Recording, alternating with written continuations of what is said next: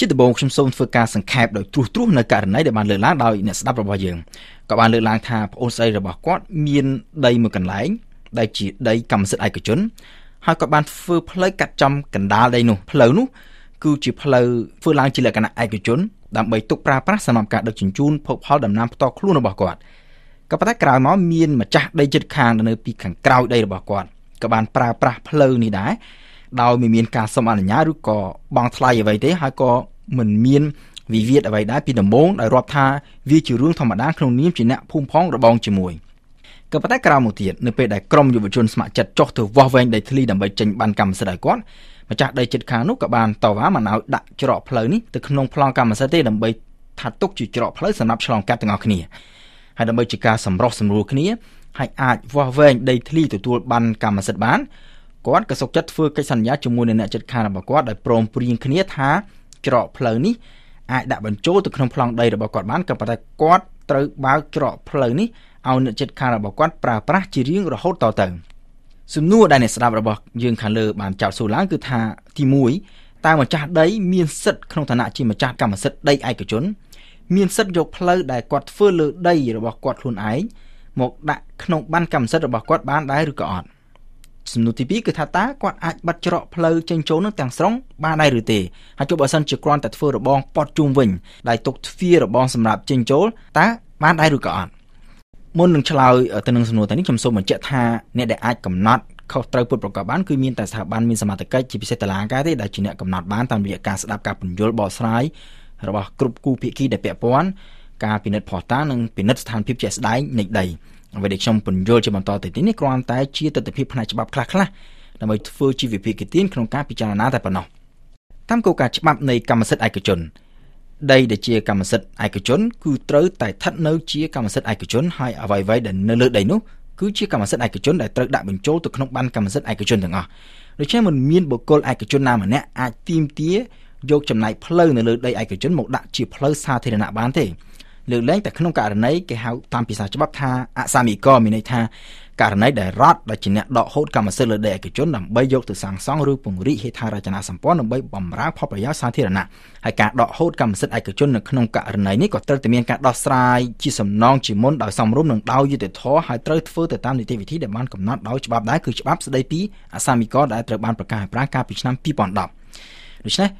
បុគ្គលដែលជាឯកជនមិនអាចទាមទារ យកផ្លូវដែលនៅលើដីឯកជនដាក់ធ្វើជាផ្លូវសាធារណៈបានទេដូច្នេះក្នុងករណីដែលអ្នកស្ដាប់របស់យើងខាងលើបានលើកឡើងខាងលើម្ចាស់ដីគាត់មានសិទ្ធិដាក់បញ្ចូលផ្លូវដែលគាត់ធ្វើនៅលើដីឯកជនរបស់គាត់នៅក្នុងកម្មសិទ្ធិឯកជនរបស់គាត់បានហើយដីដែលជាចំណាយផ្លូវនេះនៅតែជាដីកម្មសិទ្ធិឯកជនមិនមែនជាផ្លូវសាធារណៈទេក៏ប៉ុន្តែក្រមរដ្ឋប្រវេណីខ្មែរត្រមេត្រា 144គឺមានចែងអំពីចំណុចមួយដែលជាចំណុចសំខាន់ដែលម្ចាស់កម្មសិទ្ធិឯកជនគ្រប់គ្នាគួរតែដឹងគឺតកតងទៅនឹងសិទ្ធិចេញចូលដីបិទចិត្តដីបិទចិត្តនៅក្នុងនៃច្បាប់នេះគឺសំដៅទៅលើដីដែលព័ទ្ធជុំវិញទៅដោយដីរបស់អ្នកដទៃហើយគ្មានច្រកចេញទៅផ្លូវសាធារណៈឬក៏មានច្រកចេញចូលដែរក៏ប៉ុន្តែច្រកចេញចូលនោះវាមិនគ្រប់គ្រាន់ឬក៏មានឧបសគ្គខ្លាំងមិនអាចប្រើប្រាស់ដីនោះសម្រាប់ការធ្វើកសិកម្មឬឧស្សាហកម្មបាន នៅក្នុងករណីបែបនេះ ក្រមរដ្ឋប្រវេណីចែងផ្ដល់សិទ្ធិទៅដល់ម្ចាស់ដីដែលជាដីបិទជូននោះឲ្យគាត់អាចស្នើសុំឆ្លងកាត់ដីរបស់អ្នកជិតខាងរបស់គាត់បានក៏ប៉ុន្តែត្រូវបង់ប្រាក់សំណងទៅតាមការខូចខាតដែលបង្កឡើងដោយការឆ្លងកាត់នោះជាគោលការណ៍ច្បាប់ផ្លូវឆ្លងកាត់នេះគឺត្រូវរៀបចំធ្វើទៅតាមទិសឬទៅតាមផ្លូវដែលមានចម្ងាយជិតបំផុតពីដីបិទជិតទៅផ្លូវសាធារណៈក៏ប៉ុន្តែជាអតិភិបចម្បងធំទី1ជាងគេគឺត្រូវប្រវិធីធ្វើយ៉ាងណា ឲ្យការឆ្លងកាត់នេះបង្កការខូចខាតតិចបំផុតដល់ម្ចាស់ដីដែលត្រូវឆ្លងកាត់ការបើកច្រកផ្លូវឆ្លងកាត់និងការកំណត់ប្រាក់សំណងគឺអាចធ្វើឡើងតាមរយៈការព្រមព្រៀងគ្នារវាងម្ចាស់ដីចិត្តខាងទាំងពីរហើយក្នុងករណីមិនមានការព្រមព្រៀងគ្នាទេម្ចាស់ដីបិទចិត្តគាត់អាចស្នើសុំទៅតុលាការឲ្យតុលាការជាអ្នកចេញសេចក្តីសម្រេចបង្គាប់ទៅម្ចាស់ដីចិត្តខាងឲ្យបើកផ្លូវឆ្លងកាត់នេះចំពោះករណីដែលបានចោទសួរដោយអ្នកស្ដាប់វិទ្យុបារាំងតាជាតិខាងលើ ប្រសិនបើដីអ្នកចិត្តខាងរបស់គាត់គឺជាដីបិទចិត្តដោយដែលបានកំណត់នៅក្នុងច្បាប់ម្ចាស់ដីបិទចិត្តនោះគាត់មានសិទ្ធិប្រើប្រាស់ផ្លូវដែលកាត់តាមដីចិត្តខាងរបស់គាត់បើទោះបីជាដីនោះជាដីឯកជនហើយផ្លូវនេះត្រូវបានបង្កើតឡើងដើម្បីប្រើប្រាស់ជាលក្ខណៈឯកជនក៏ដោយតែក៏ប៉ុន្តែបើទោះបីជាមិនមានផ្លូវនេះក៏ម្ចាស់ដីបិទជានោះគាត់អាចស្នើសុំធ្វើផ្លូវឆ្លងកាត់ដីនេះបានដែរទៅតាមការកំណត់ក្នុងក្រមរដ្ឋប្រវេណីក៏ប៉ុន្តែម្ចាស់ដីចិត្តខាងដែលជាដីបិទចិនហ្នឹង ត្រូវបង់ប្រាក់សំណងទៅឲ្យម្ចាស់ដីដែលខ្លួនឆ្លងកាត់ប៉ះសិនបើការឆ្លងកាត់នោះបង្កឲ្យមានការខូចខាតអ្វីមួយដូចជាការខូចខាតដល់ដំណាំការខកខានមិនបានប្រើដីជាចំណាយផ្លូវនេះដើម្បីធ្វើការដាំដុះឬក៏ការរំខានដោយសម្លេងឆ្លងកាត់ជាដើម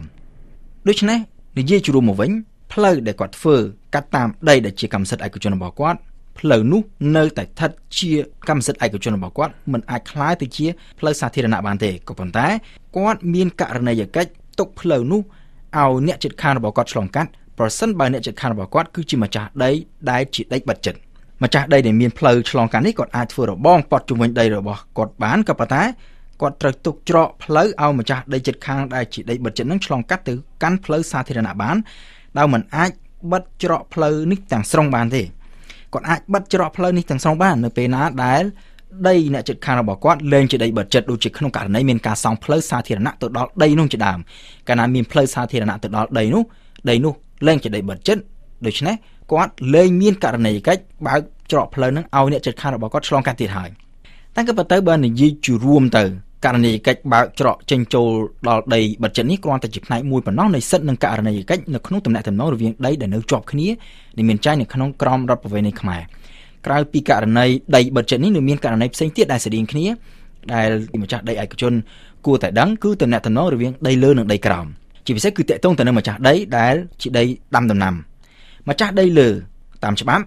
ម្ចាស់ដីលើដែលនៅជាប់នឹងផ្លូវទឹកហូរមានករណីកិច្ចទុកឲ្យទឹកហូរទឹកដីអ្នកជិតខាងនៅខាងក្រោមទៅតាមតម្រូវការសម្រាប់ប្រកបរបរកសិកម្មរបស់គាត់ហើយម្ចាស់ដីដែលនៅខាងក្រោមដែលនៅជាប់នេះក៏ត្រូវមានករណីកិច្ចដូចគ្នាអញ្ចឹងដែរចំពោះម្ចាស់ដីដែលនៅខាងក្រោមបន្តបន្តទៅទៀត ដូច្នេះម្ចាស់ដីលើមិនអាច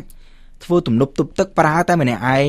ហើយមិនឲ្យទឹកនោះហូរទៅម្ចាស់ដីខាងក្រោមប្រើផងបាននោះទេគឺត្រូវតែមានករណីកិច្ចបើកច្រកបន្លាយទឹកហ្នឹងហើយបើទោះបីជាក្នុងករណីមិនមានបន្លាយទឹកក៏ដោយក៏ម្ចាស់ដីក្រោមនៅតែអាចស្នើសុំឲ្យធ្វើប្រឡាយឬផ្លូវទឹកដែលឆ្លងកាត់ដីលើនេះបានដែរដើម្បីយកទឹកពីប្រភពទឹកធម្មជាតិណាមួយមកប្រើប្រាស់ សម្រាប់ការប្រកបរបរកសិកម្មឬការប្រកបរបរឧស្សាហកម្មរបស់គាត់ដែលគ្រាន់តែត្រូវបង់ប្រាក់សំណងខូចខាតដល់ម្ចាស់ដីលើដែលប្រឡាយទឹកនឹងត្រូវឆ្លងកាត់